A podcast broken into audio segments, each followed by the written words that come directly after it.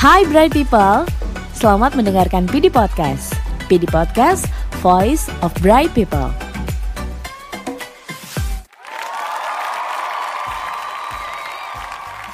Oke, selamat pagi Bright People.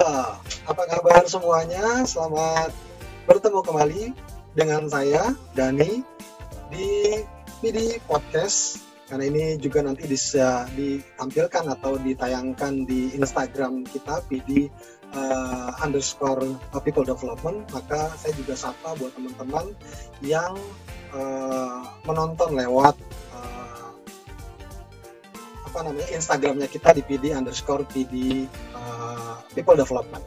Oke, okay, uh, di sesi kali ini, di sesi di saat yang hari yang berbahagia ini, saya akan uh, saya belum tahu nama segmennya apa karena uh, ini juga seri pertama.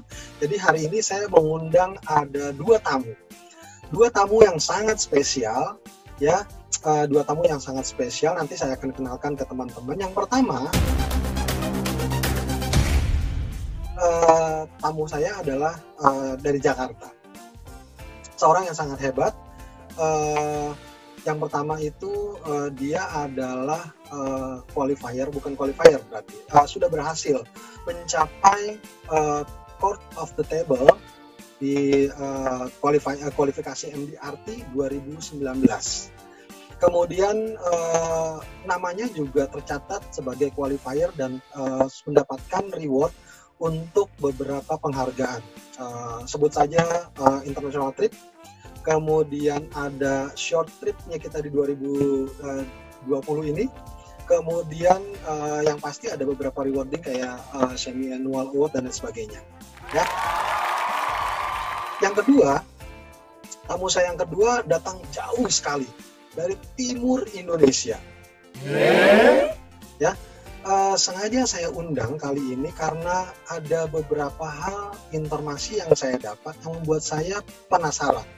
Kenapa uh, teman saya yang dari Indonesia Timur ini bisa mencatatkan namanya di beberapa uh, pencapaian khususnya di 2020 ini. Ya, kuartal pertama 2020 mencatatkan namanya sebagai best rookie. Ya, untuk itu saya undang tamu saya yang pertama yaitu Safni Alfiana. Halo, selamat pagi Safni. Dan yang ya, kedua, pagi. ya yang pagi, kedua pagi, pagi. ada uh, Maria Novita. Selamat pagi Maria. Selamat pagi, pagi, pagi, pagi Pak Dani. Yes, saya suka semangatnya dua orang tamu kita pagi hari ini gitu ya. Oke, okay, uh, jadi seperti yang saya sudah sampaikan tadi, hmm, ada Safni, Safni yang saya uh, sebutkan tadi pencapaiannya panjang banget gitu ya dari 2019 sampai dengan 2020 ini. Uh, Safni ini sudah bergabung sejak uh, bulan Oktober tahun 2018, betul ya Safni ya? Iya, tahun 2018 Oktober. 2018. Oke, okay. uh, saya ke Safni dulu. Boleh cerita uh, ada uh, background ataupun ada pengalaman di pekerjaan sebelumnya uh, di industri asuransi jiwa? Enggak, sebelumnya belum ada. Belum, belum pernah. pernah sama sekali. Belum pernah Belum. berpengalaman di asuransi jiwa. Kemudian uh, ha- ini adalah uh, perusahaan pertama uh, berkarir di bidang asuransi jiwa. Mm, Oke. Sama. menarik ini menarik oke kemudian uh, oke terima kasih Sabdi kemudian tamu kita yang kedua adalah uh, Maria. Halo Maria. Selamat pagi. Oh selamat malam di Papua ya Maria. Iya, selamat malam dari Papua. selamat malam dari Papua. Oke kalau Maria mungkin uh, kita uh, saya baru kenal uh, beberapa bulan yang lalu karena kebetulan saya pernah ketemu di starter course gitu ya. Maria ini baru bergabung di bulan Maret 2020 begitu Maria ya Iya, benar sekali. Iya, benar sekali Pak Dani. Betul lah. Oke, eh, kalau Maria sebelumnya ada pengalaman di asuransi jiwa? Belum ada sama sekali Pak, ini pertama.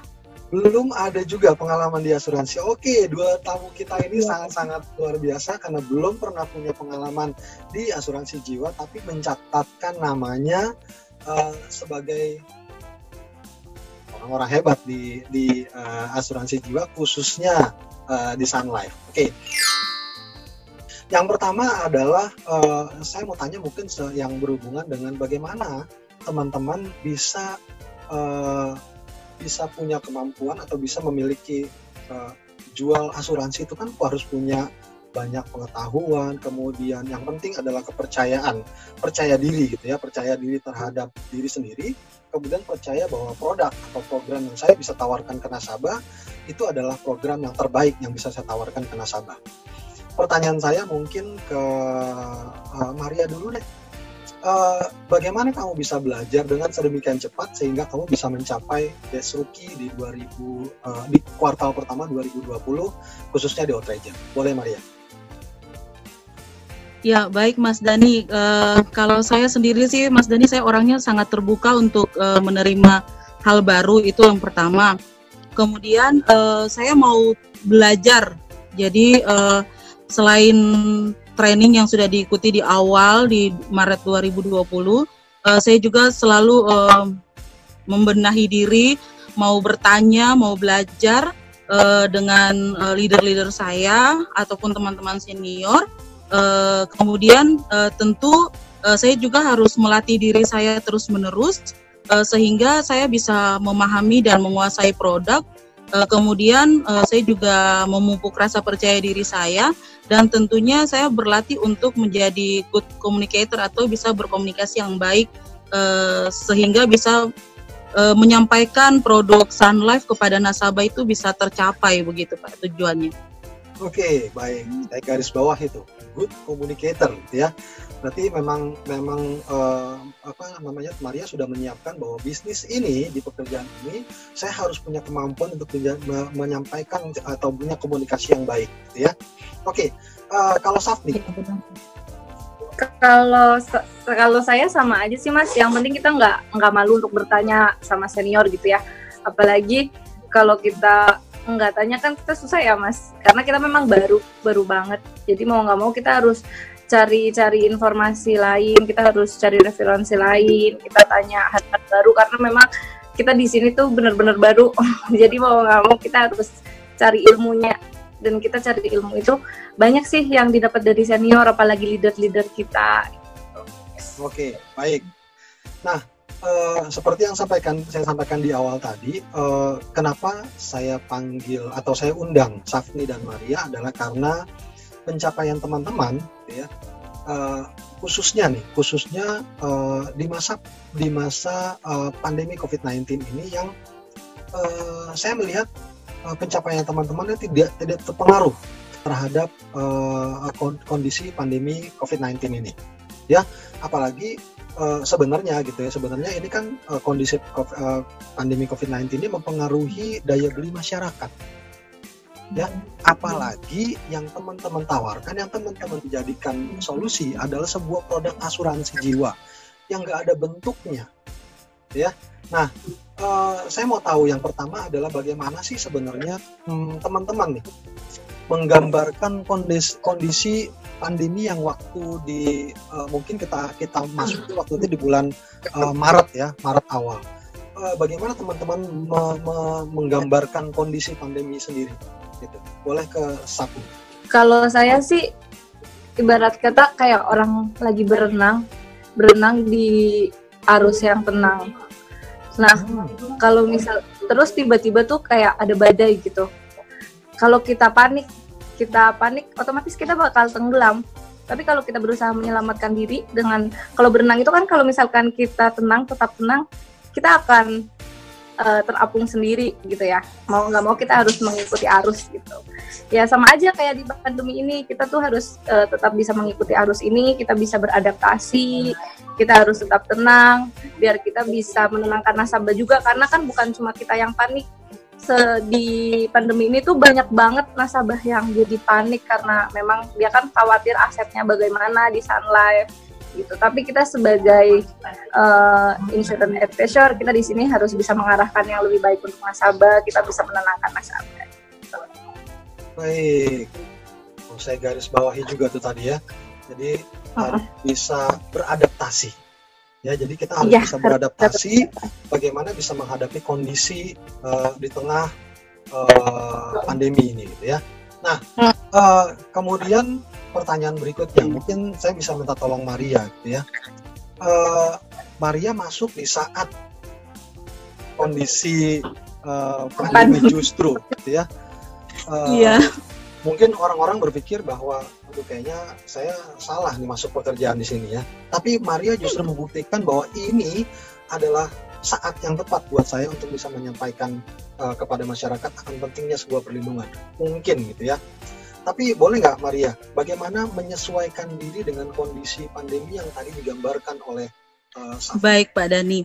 Eh, kalau saya, saya berusaha eh, pertama tadi seperti yang Safni bilang, berusaha untuk tenang dulu, eh, sehingga saya juga bisa mudah begitu untuk eh, beradaptasi, berdamai dengan keadaan ini, sehingga saya bisa eh, menjelaskan kepada nasabah begitu. Kemudian saya benar-benar memanfaatkan waktu saya yang memang memang di sini sudah dibatasi sejak saya tiba tanggal 25 Maret di Timika dari Jakarta itu itu sudah langsung memang dibatasi jam 2 siang Pak Dani. Jadi sejak saya bekerja di Sun Life itu jam 2 siang sudah tidak ada ak- aktivitas sama sekali kota mati gitu ya. Jadi saya menggunakan waktu waktu yang benar-benar sempit eh, untuk bisa eh, sedemikian rupa berkualitas begitu waktu saya sehingga eh, saya bisa menyampaikan produk-produk terbaik dari Sun Life kepada nasabah kita gitu. Kemudian saya juga berusaha untuk meyakinkan kepada mereka bahwa eh, ini waktu yang tepat loh untuk membeli begitu. Karena eh, ketika justru ketika sekarang sedang eh, perekonomian sedang eh, tidak baik, itu kita membeli sehingga nanti ke depannya dalam jangka waktu panjang eh, kita bisa mendapatkan hasil yang maksimal atau optimal begitu, Pak. Jadi eh, saya percaya diri eh, dengan kondisi yang ada, eh, saya memanfaatkan waktu yang sempit ini untuk bisa eh, menyampaikan hal-hal yang terbaik dari Sun Life sehingga nasabah itu bisa eh, percaya dan mau untuk membeli eh, produk-produk Sun Life. Begitu, Pak. Oke, baik baik. Berarti memang memanfaatkan waktu yang nggak banyak gitu ya untuk bisa eh, menyampaikan produk-program program kita. Tapi kebetulan memang kondisinya seperti ini, disesuaikan juga bahwa program ini memang bagus, justru bagus buat nasabah justru pada kondisi saat ini gitu ya. Iya, Nah. Pak. Benar sekali, Pak. Nah, seperti yang saya sampaikan di awal, tapi justru kondisi seperti saat ini teman-teman bisa memanfaatkan. Nah, saya mau tahu apa sih sebenarnya secara spesifik yang teman-teman lakukan, ya, yang teman-teman lakukan yang mungkin berbeda, gitu ya, eh, dengan kondisi normal, yang membuat teman-teman khususnya eh, pada masa pandemi, eh, pandemi ini, sehingga teman-teman bisa mendapatkan yang tadi saya bilang gitu ya, Safni bisa eh, apa namanya bisa menyelesaikan targetnya untuk uh, short trip, kemudian uh, bisa mendapatkan uh, target yang tertinggi di bulan uh, April kalau nggak salah waktu itu ya uh, satunya. Kemudian Maria bisa mendapatkan uh, base rookie di kuartal pertama untuk Hot Region. Boleh ke uh, Maria lagi, apa yang secara spesifik yang dilakukan sehingga kamu bisa mencapai hal tersebut? Baik Pak, eh, spesifiknya begini, kalau saya setiap harinya setelah morning briefing itu saya langsung eh, mendatangi RM untuk meminta pipeline dari mereka, RM ataupun tim LG eh, untuk mendapatkan pipeline dari mereka, pipeline hariannya. Kemudian eh, saya melakukan HSP bagi nasabah yang memang tidak bisa untuk dikunjungi. Lalu eh, saya usahakan untuk menemui nasabah minimal satu hari itu ada satu nasabah begitu. Eh, kalau bisa lebih banyak ya lebih baik. Yang jelas bahwa dari jam eh, 8 pagi setelah morning briefing sampai dengan jam eh, 2 siang itu saya harus bisa menemui nasabah. Kemudian eh, saya juga harus memahami eh, profil nasabah sehingga saya bisa menawarkan eh, produ- eh, premi yang besar dulu Pak Dani. Jadi itu trik saya sehingga uh, bulan Mei kemarin saya bisa mencapai 415 juta AFIP karena saya menawarkan premi yang besar dulu dengan mengetahui profil nasabah. Nah, ketika saya tawarkan uh, premi yang besar lalu mereka setuju, ya itu berarti keberuntungan gitu ya, Pak. Tapi kalau misalnya mereka uh, agak keberatan dengan preminya baru kita uh, turunkan. Tapi uh, rata-rata saya menawarkan uh, yang besar terlebih dahulu. Kemudian uh, saya juga menjelaskan produk kepada mereka itu dengan bahasa yang sederhana, Pak. Jadi uh, tidak tidak kaku harus menggunakan bahasa Indonesia yang baik dan benar tapi saya menggunakan bahasa yang mudah mereka pahami karena kami di Papua kan dengan dialek dialek kami jadi uh, sehingga mereka itu mudah untuk paham tentang produk Sun Life dan uh, intinya mereka bisa untuk uh, menerima dan membeli uh, produk Sun Life seperti itu Pak itu kalau dari saya dan tentunya uh, saya harus percaya diri dalam uh, mengkomunikasikan tentang produk-produk terbaik dari Sun Life. Oke, baik. Terima kasih, Maria. Uh, Sakti boleh? Tapi yang secara spesifik kamu lakukan uh, sehingga kamu bisa mencapai uh, pencapaian terbaik kamu di masa pandemi kemarin. Sebenarnya kalau Safni sih awalnya malah dia dari komplain, komplain nasabah. Karena pas uh, terjadi pandemi ini kan memang IHSG itu benar-benar drop banget turun gitu kan.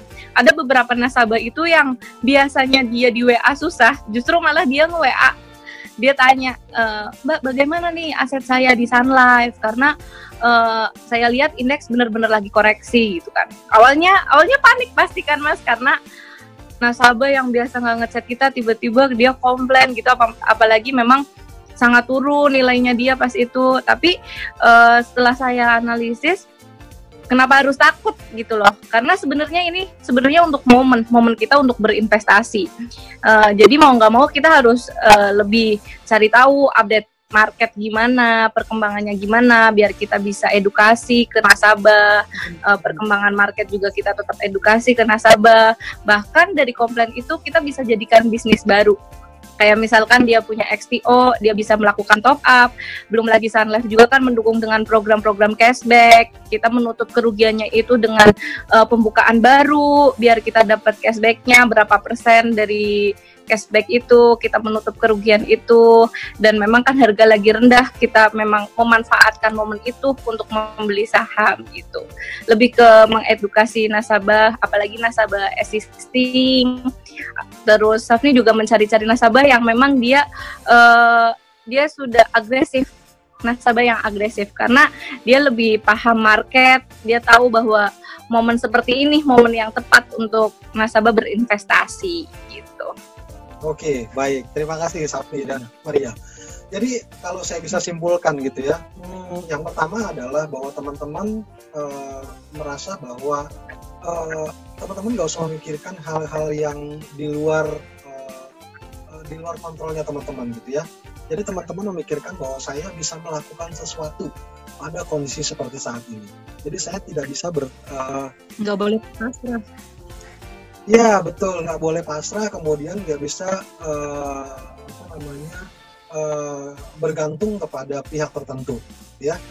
Uh, apa pun kita bisa yeah. lakukan. Kemudian uh, jangan panik, ya, jangan panik. Seperti yang tadi Sabtu bilang, kalau jangan ada panik. komplain yang komplain ada yang uh, ada komplain yang diterima, uh, jadikan itu sebagai justru uh, jadikan kesempatan untuk bisa kita iya. jadikan bahan komunikasi. Bahan komunikasi tentunya kita juga harus punya kemampuan. Kita punya harus punya banyak sekali wawasan. Contohnya tadi Sakti bilang bahwa Sakti bisa melakukan yang namanya market update.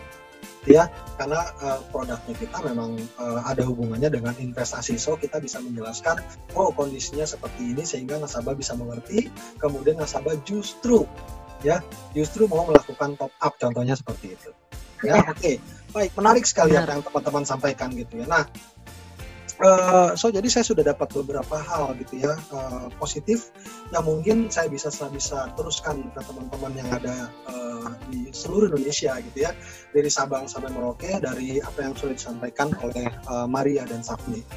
Uh, tapi sebelum uh, kita uh, tutup uh, apa namanya uh, sesi tanya jawab ini mungkin saya bisa minta uh, apa namanya uh, Maria dan uh, Safni untuk bisa uh, kasih uh, pesan gitu ya. Apa sih yang mungkin bisa dilakukan oleh teman-teman yang ada di luar sana teman-teman insurance advisor yang ada di, ada di seluruh Indonesia? Yang mungkin kondisinya mereka merasa kok gue nggak bisa sih kok gue eh, nggak kayak Maria sih? Kok gue nggak bisa kayak Safni sih? Gue udah bisa gue udah coba ini tapi gue nggak ah, gue kok belum belum bisa nyampe ke situ. Apa ya eh, apa namanya pesan ataupun eh, yang mau disampaikan oleh Safni dan eh, Maria? Boleh Maria dulu mungkin? Iya, baik Pak Dani.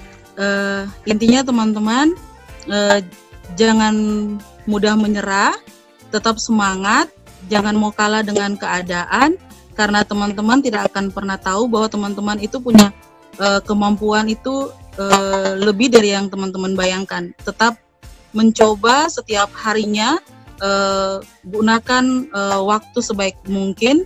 eh, gali potensi yang ada dalam diri teman-teman untuk bisa eh, menjual produk-produk terbaik dari Sunlight dan teman-teman akan temukan bahwa ternyata teman-teman itu mampu dan sangat mampu untuk eh, melawan kondisi saat ini. COVID-19 bukanlah akhir.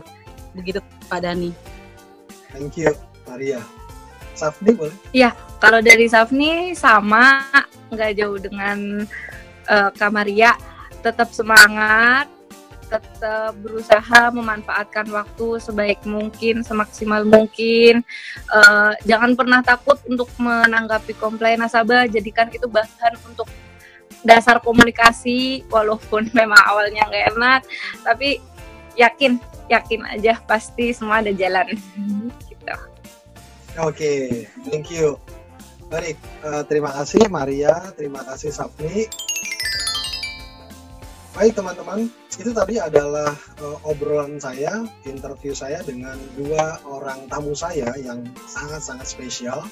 Ada eh, Safni dari Jakarta dan Maria dari ujung paling timur eh, Indonesia, yaitu di eh, Timika, Papua. Dua orang ini bisa membuktikan bahwa kondisi pandemi COVID-19 seperti yang uh, terjadi saat ini bukanlah halangan untuk menjadikan kita uh, meraih apa yang mungkin kita uh, sudah buat sebagai uh, goal atau tujuan atau kita cita-citakan. Teman-teman uh, mau menjadi seorang insurance advisor, mau uh, punya banyak uh, duit, mau uh, apa pun uh, tujuannya teman-teman ya. Uh, disampaikan oleh Maria tadi bahwa uh, teman-teman harus punya semangat untuk bisa uh, belajar. Kemudian teman-teman juga harus memiliki percaya diri. Kemudian uh, Safti juga bilang bahwa jangan takut dengan komplain yang mungkin teman-teman terima dari nasabah. Ingat bahwa komplain yang mungkin diterima awalnya tidak mengenakan tapi mungkin justru di situlah potensi di mana kalau kita bisa menjawab dengan kemampuan kita yang bisa kita siapkan melalui training, melalui penambahan wawasan kita, membaca, ikut market update dan sebagainya, sehingga kita bisa menjawab dan justru menjadi potensi bisnisnya kita yang baru. So, pesan dari saya adalah tetap belajar, jangan uh, menyerah, kemudian uh, jadikan uh, hambatan-hambatan yang teman-teman terima sebagai satu uh, hal yang bisa teman-teman jadikan pelajaran sehingga teman-teman bisa meraih apa yang teman-teman inginkan. Uh, selamat pagi dari saya, dari Yani. Sampai jumpa di pertemuan berikutnya. Selamat pagi, Bright People.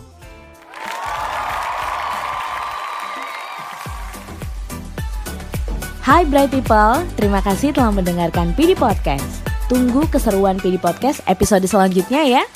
PD Podcast, Voice of Bright People.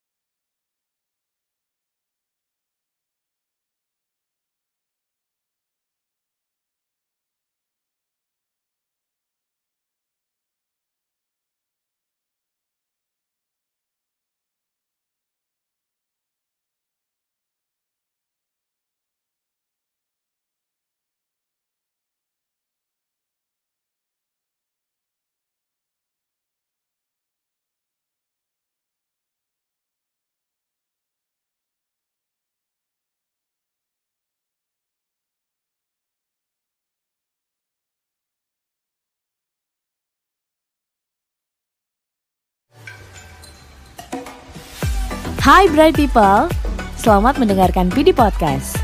PD Podcast, Voice of Bright People.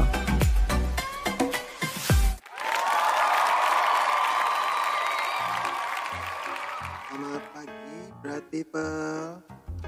Apa kabar hari ini? Semoga selalu dalam kondisi sehat semangat. Selamat datang kembali di BD Podcast segmen. Setiap minggunya, seperti biasa, Home akan menjawab segala kegundahan kalian seputar asuransi jiwa. Di setiap sesinya, Home akan membahas tiga pertanyaan terpilih yang masuk melalui Instagram PD underscore people development. Oh, akan follow Instagramnya dan ajukan pertanyaan kalian melalui DM.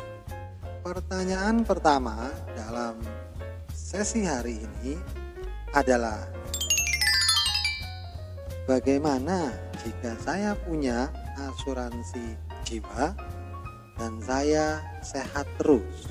Baik, sebagai manusia, kita memiliki keinginan untuk hidup sehat dengan menjalankan pola disiplin, menjalankan pola hidup sehat seperti olahraga, makan teratur dan bergizi, tidak mengkonsumsi minum-minuman terlarang, dan lain sebagainya yang bisa merusak kesehatan.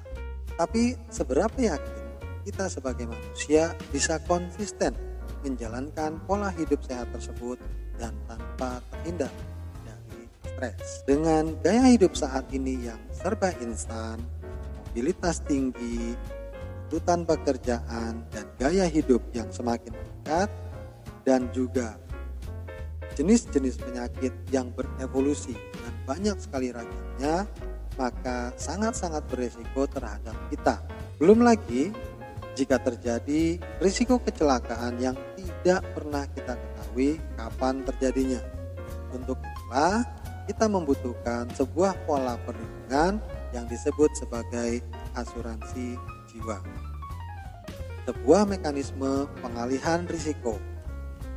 Risiko yang dialihkan ke sebuah perusahaan bernama perusahaan asuransi jiwa.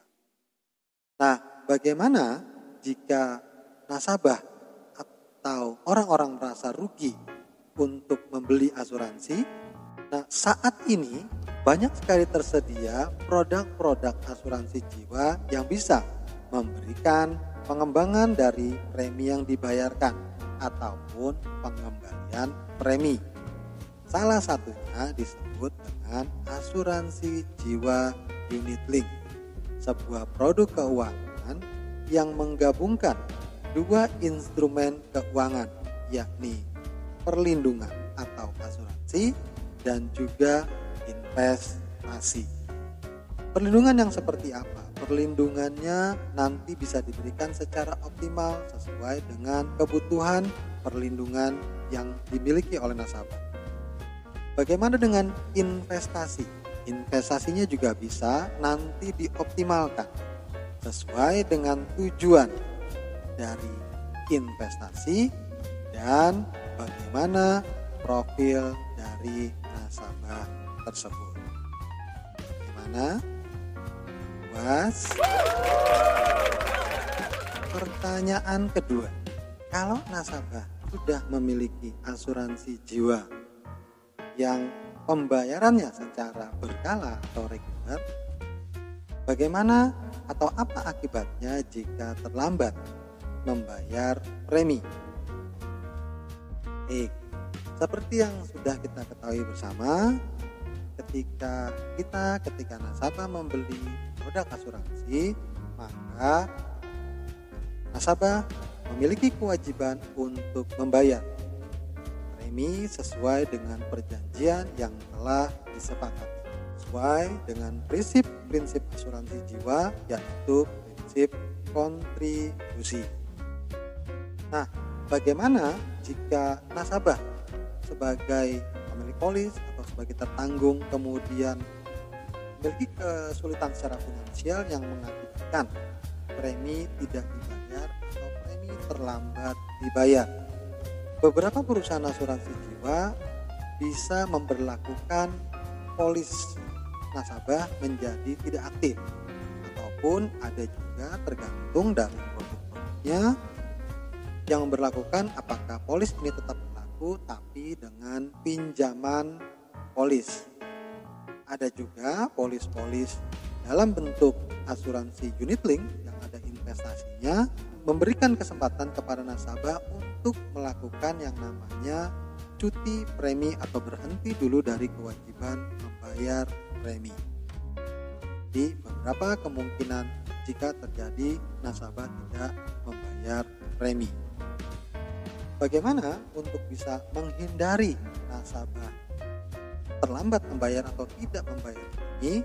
Untuk itu di beberapa perusahaan asuransi teman-teman dan nasabah bisa melihat bahwa banyak sekali perusahaan asuransi jiwa memanfaatkan fasilitas auto debit rekening atau auto debit kartu kredit yang akan otomatis membayarkan atau memotong premi dari rekening atau dari kartu kredit pada tenggat waktu pembayaran yang telah disepakati untuk menghindari lupa atau terlambat membayar premi. Gimana, Was? Pertanyaan ketiga dalam sesi ini adalah kalau nasabah ditawarkan produk asuransi jiwa kemudian bertanya berapa sih sebenarnya uang pertanggungan yang bisa atau yang pantas dimiliki oleh seorang nasabah. Untuk menjawab hal ini, ada berbagai macam pendekatan untuk menghitung atau membantu nasabah memiliki uang pertanggungan atau jumlah perlindungan. Salah satunya yang paling mudah dilakukan adalah pendekatan berapa kebutuhan per bulan yang dimiliki oleh nasabah tanyakan kepada nasabah berapa kebutuhan per bulan yang dikeluarkan untuk memenuhi kebutuhan sehari-hari. Kemudian kalikan jumlah kebutuhan yang disebutkan atau disampaikan oleh nasabah dengan tingkat suku bunga perbankan yang berlaku pada saat ini. Contoh, kalau ternyata nasabah bilang bahwa pengeluarannya setiap bulan 10 juta dan tingkat suku bunga saat ini adalah 5% contoh dihitung rata maka kita kalikan 10 juta dibagi. Maaf dibagi bukan dikalikan dengan tingkat suku bunga perbankan.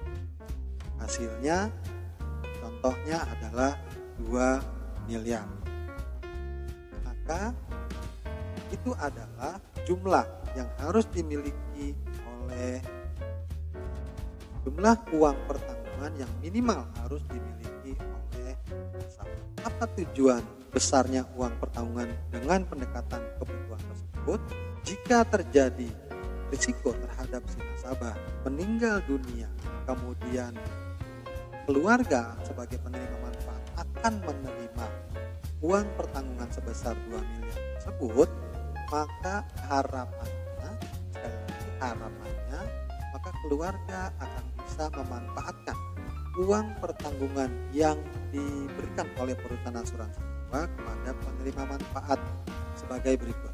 Manfaat uang pertanggungannya kemudian oleh keluarga disimpan kembali ke dalam instrumen deposito perbankan yang jika nanti setiap tahunnya mendapatkan tingkat pengembalian suku bunga dengan kira-kira suku bunga yang sama tadi 5% maka nasabah atau keluarga nasabah yang ditinggalkan oleh si si penanggung akan mendapatkan bunga dari pengembangan uang pertanggungan yang ditempatkan dalam deposito. Yang kalau dibagi 12 artinya pengeluaran setiap bulan akan terpenuhi dan akan tetap terpenuhi dan terjaga sehingga keluarga yang ditinggalkan tidak mengalami kesulitan. Nah, was Nah, itu tadi tiga pertanyaan terpilih yang ditayangkan sesi kali ini di segmen Tanya Om. Kalian yang pertanyaannya ditayangkan di segmen Tanya Om berhak untuk mendapatkan poin tada. Kalian bisa cek poin tadanya di Real Action Tada. Bagi teman-teman yang belum mengirimkan pertanyaan, silakan tulis pertanyaan Anda via Instagram PD underscore people development via DM. Setiap sesinya ada tiga pertanyaan yang akan ditayangkan dan berhak untuk mendapatkan poin tada. Nantikan sesi tanya om selanjutnya. See you bright people.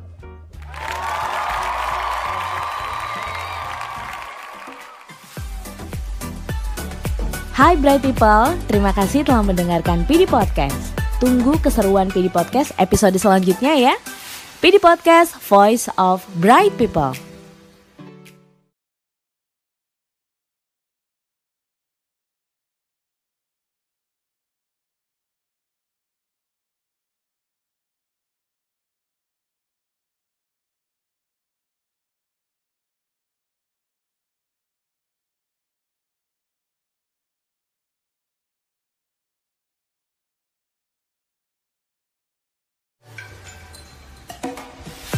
Hai Bright People, selamat mendengarkan PD Podcast. PD Podcast, Voice of Bright People.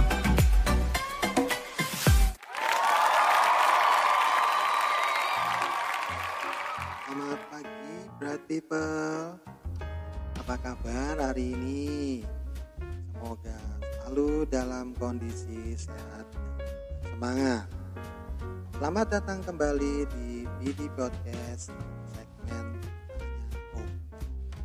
Setiap minggunya, seperti biasa, Om akan menjawab segala kegundahan kalian seputar asuransi jiwa. Di setiap sesinya, Om akan membahas tiga pertanyaan terpilih yang masuk melalui Instagram PD underscore people development. Oh, akan follow Instagramnya dan ajukan pertanyaan kalian melalui DM. Pertanyaan pertama dalam sesi hari ini adalah Bagaimana jika saya punya asuransi jiwa dan saya sehat terus? Baik, sebagai manusia, kita memiliki keinginan untuk hidup sehat dengan menjalankan pola disiplin, menjalankan pola hidup sehat seperti olahraga, makan teratur dan bergizi, tidak mengkonsumsi minum minuman terlarang, dan lain sebagainya yang bisa merusak kesehatan.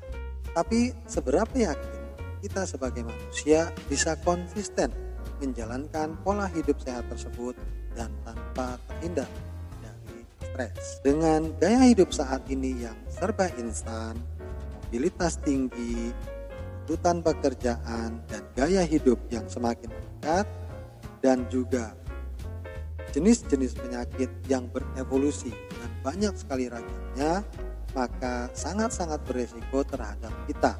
Belum lagi jika terjadi risiko kecelakaan yang tidak pernah kita ketahui kapan terjadinya.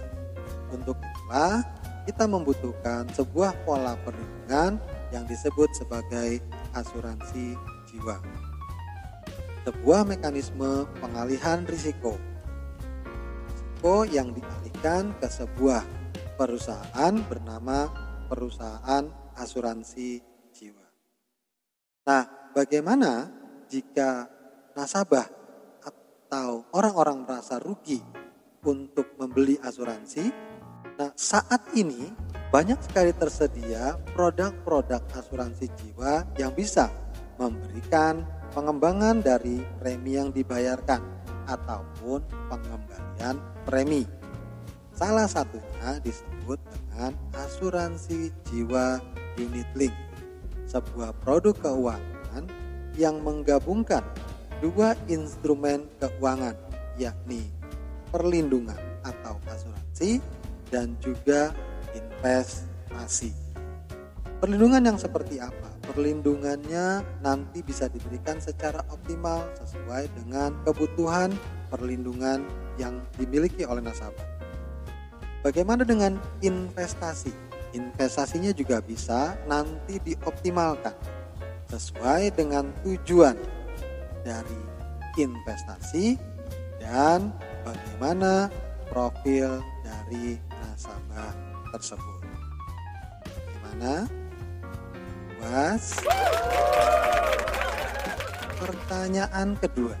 Kalau nasabah sudah memiliki asuransi jiwa yang pembayarannya secara berkala atau reguler, bagaimana atau apa akibatnya jika terlambat membayar premi? Eh, seperti yang sudah kita ketahui bersama, ketika kita ketika nasabah membeli produk asuransi, maka nasabah memiliki kewajiban untuk membayar premi sesuai dengan perjanjian yang telah disepakati sesuai dengan prinsip-prinsip asuransi jiwa yaitu prinsip kontribusi. Nah, bagaimana jika nasabah sebagai pemilik polis sebagai tertanggung kemudian memiliki kesulitan secara finansial yang mengakibatkan premi tidak dibayar atau premi terlambat dibayar. Beberapa perusahaan asuransi jiwa bisa memperlakukan polis nasabah menjadi tidak aktif ataupun ada juga tergantung dari produk-produknya yang memperlakukan apakah polis ini tetap berlaku tapi dengan pinjaman polis ada juga polis-polis dalam bentuk asuransi unit link yang ada investasinya memberikan kesempatan kepada nasabah untuk melakukan yang namanya cuti premi atau berhenti dulu dari kewajiban membayar premi. Di beberapa kemungkinan jika terjadi nasabah tidak membayar premi. Bagaimana untuk bisa menghindari nasabah terlambat membayar atau tidak membayar premi? Untuk itu di beberapa perusahaan asuransi teman-teman dan nasabah bisa melihat bahwa banyak sekali perusahaan asuransi jiwa memanfaatkan fasilitas auto debit rekening atau auto debit kartu kredit yang akan otomatis membayarkan atau memotong premi dari rekening atau dari kartu kredit pada tenggat waktu pembayaran yang telah disepakati untuk menghindari lupa atau terlambat membayar premi. Gimana? Was? Pertanyaan ketiga dalam sesi ini adalah kalau nasabah ditawarkan produk asuransi jiwa kemudian bertanya berapa sih sebenarnya uang pertanggungan yang bisa atau yang pantas dimiliki oleh seorang nasabah. Untuk menjawab hal ini ada berbagai macam pendekatan untuk menghitung atau membantu nasabah memiliki uang pertanggungan atau jumlah perlindungan. Salah satunya yang paling mudah dilakukan adalah pendekatan berapa kebutuhan per bulan yang dimiliki oleh nasabah. Tanyakan kepada nasabah berapa kebutuhan per bulan yang dikeluarkan untuk memenuhi kebutuhan sehari-hari. Kemudian kalikan jumlah kebutuhan yang disebutkan atau disampaikan oleh nasabah dengan tingkat suku bunga perbankan yang berlaku pada saat ini. Contoh, kalau ternyata nasabah bilang bahwa pengeluarannya setiap bulan adalah 10 juta dan tingkat suku bunga saat ini adalah 5%, contoh dihitung rata, maka kita kalikan 10 juta dibagi maaf dibagi bukan dikalikan kan, dengan tingkat suku bunga perbankan. Hasilnya contohnya adalah 2 miliar. Maka itu adalah jumlah yang harus dimiliki oleh jumlah uang pertanggungan yang minimal harus dimiliki oleh nasabah. Apa tujuan besarnya uang pertanggungan dengan pendekatan kebutuhan tersebut?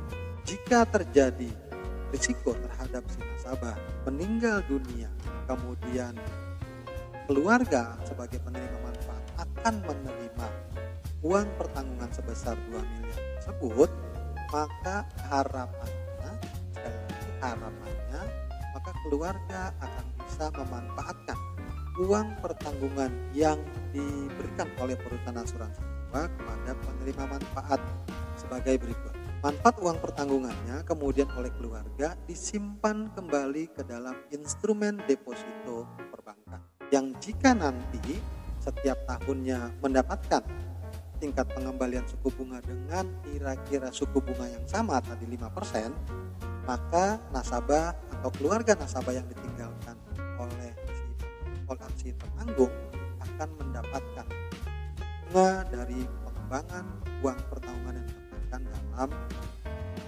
deposito. Yang kalau dibagi 12 artinya pengeluaran setiap bulan akan terpenuhi dan akan tetap terpenuhi dan terjaga sehingga keluarga yang ditinggalkan tidak mengalami kesulitan.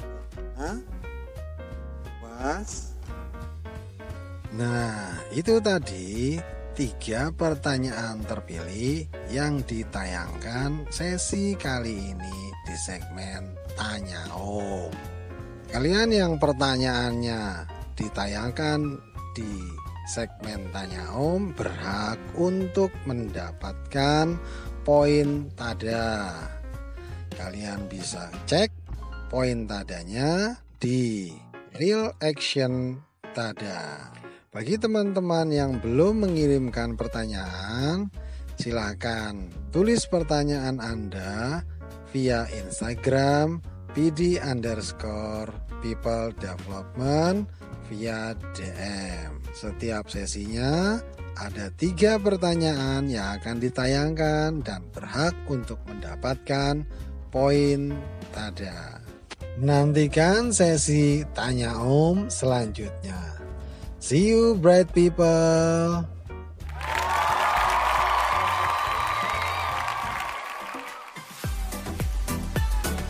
Hai Bright People, terima kasih telah mendengarkan PD Podcast. Tunggu keseruan PD Podcast episode selanjutnya ya.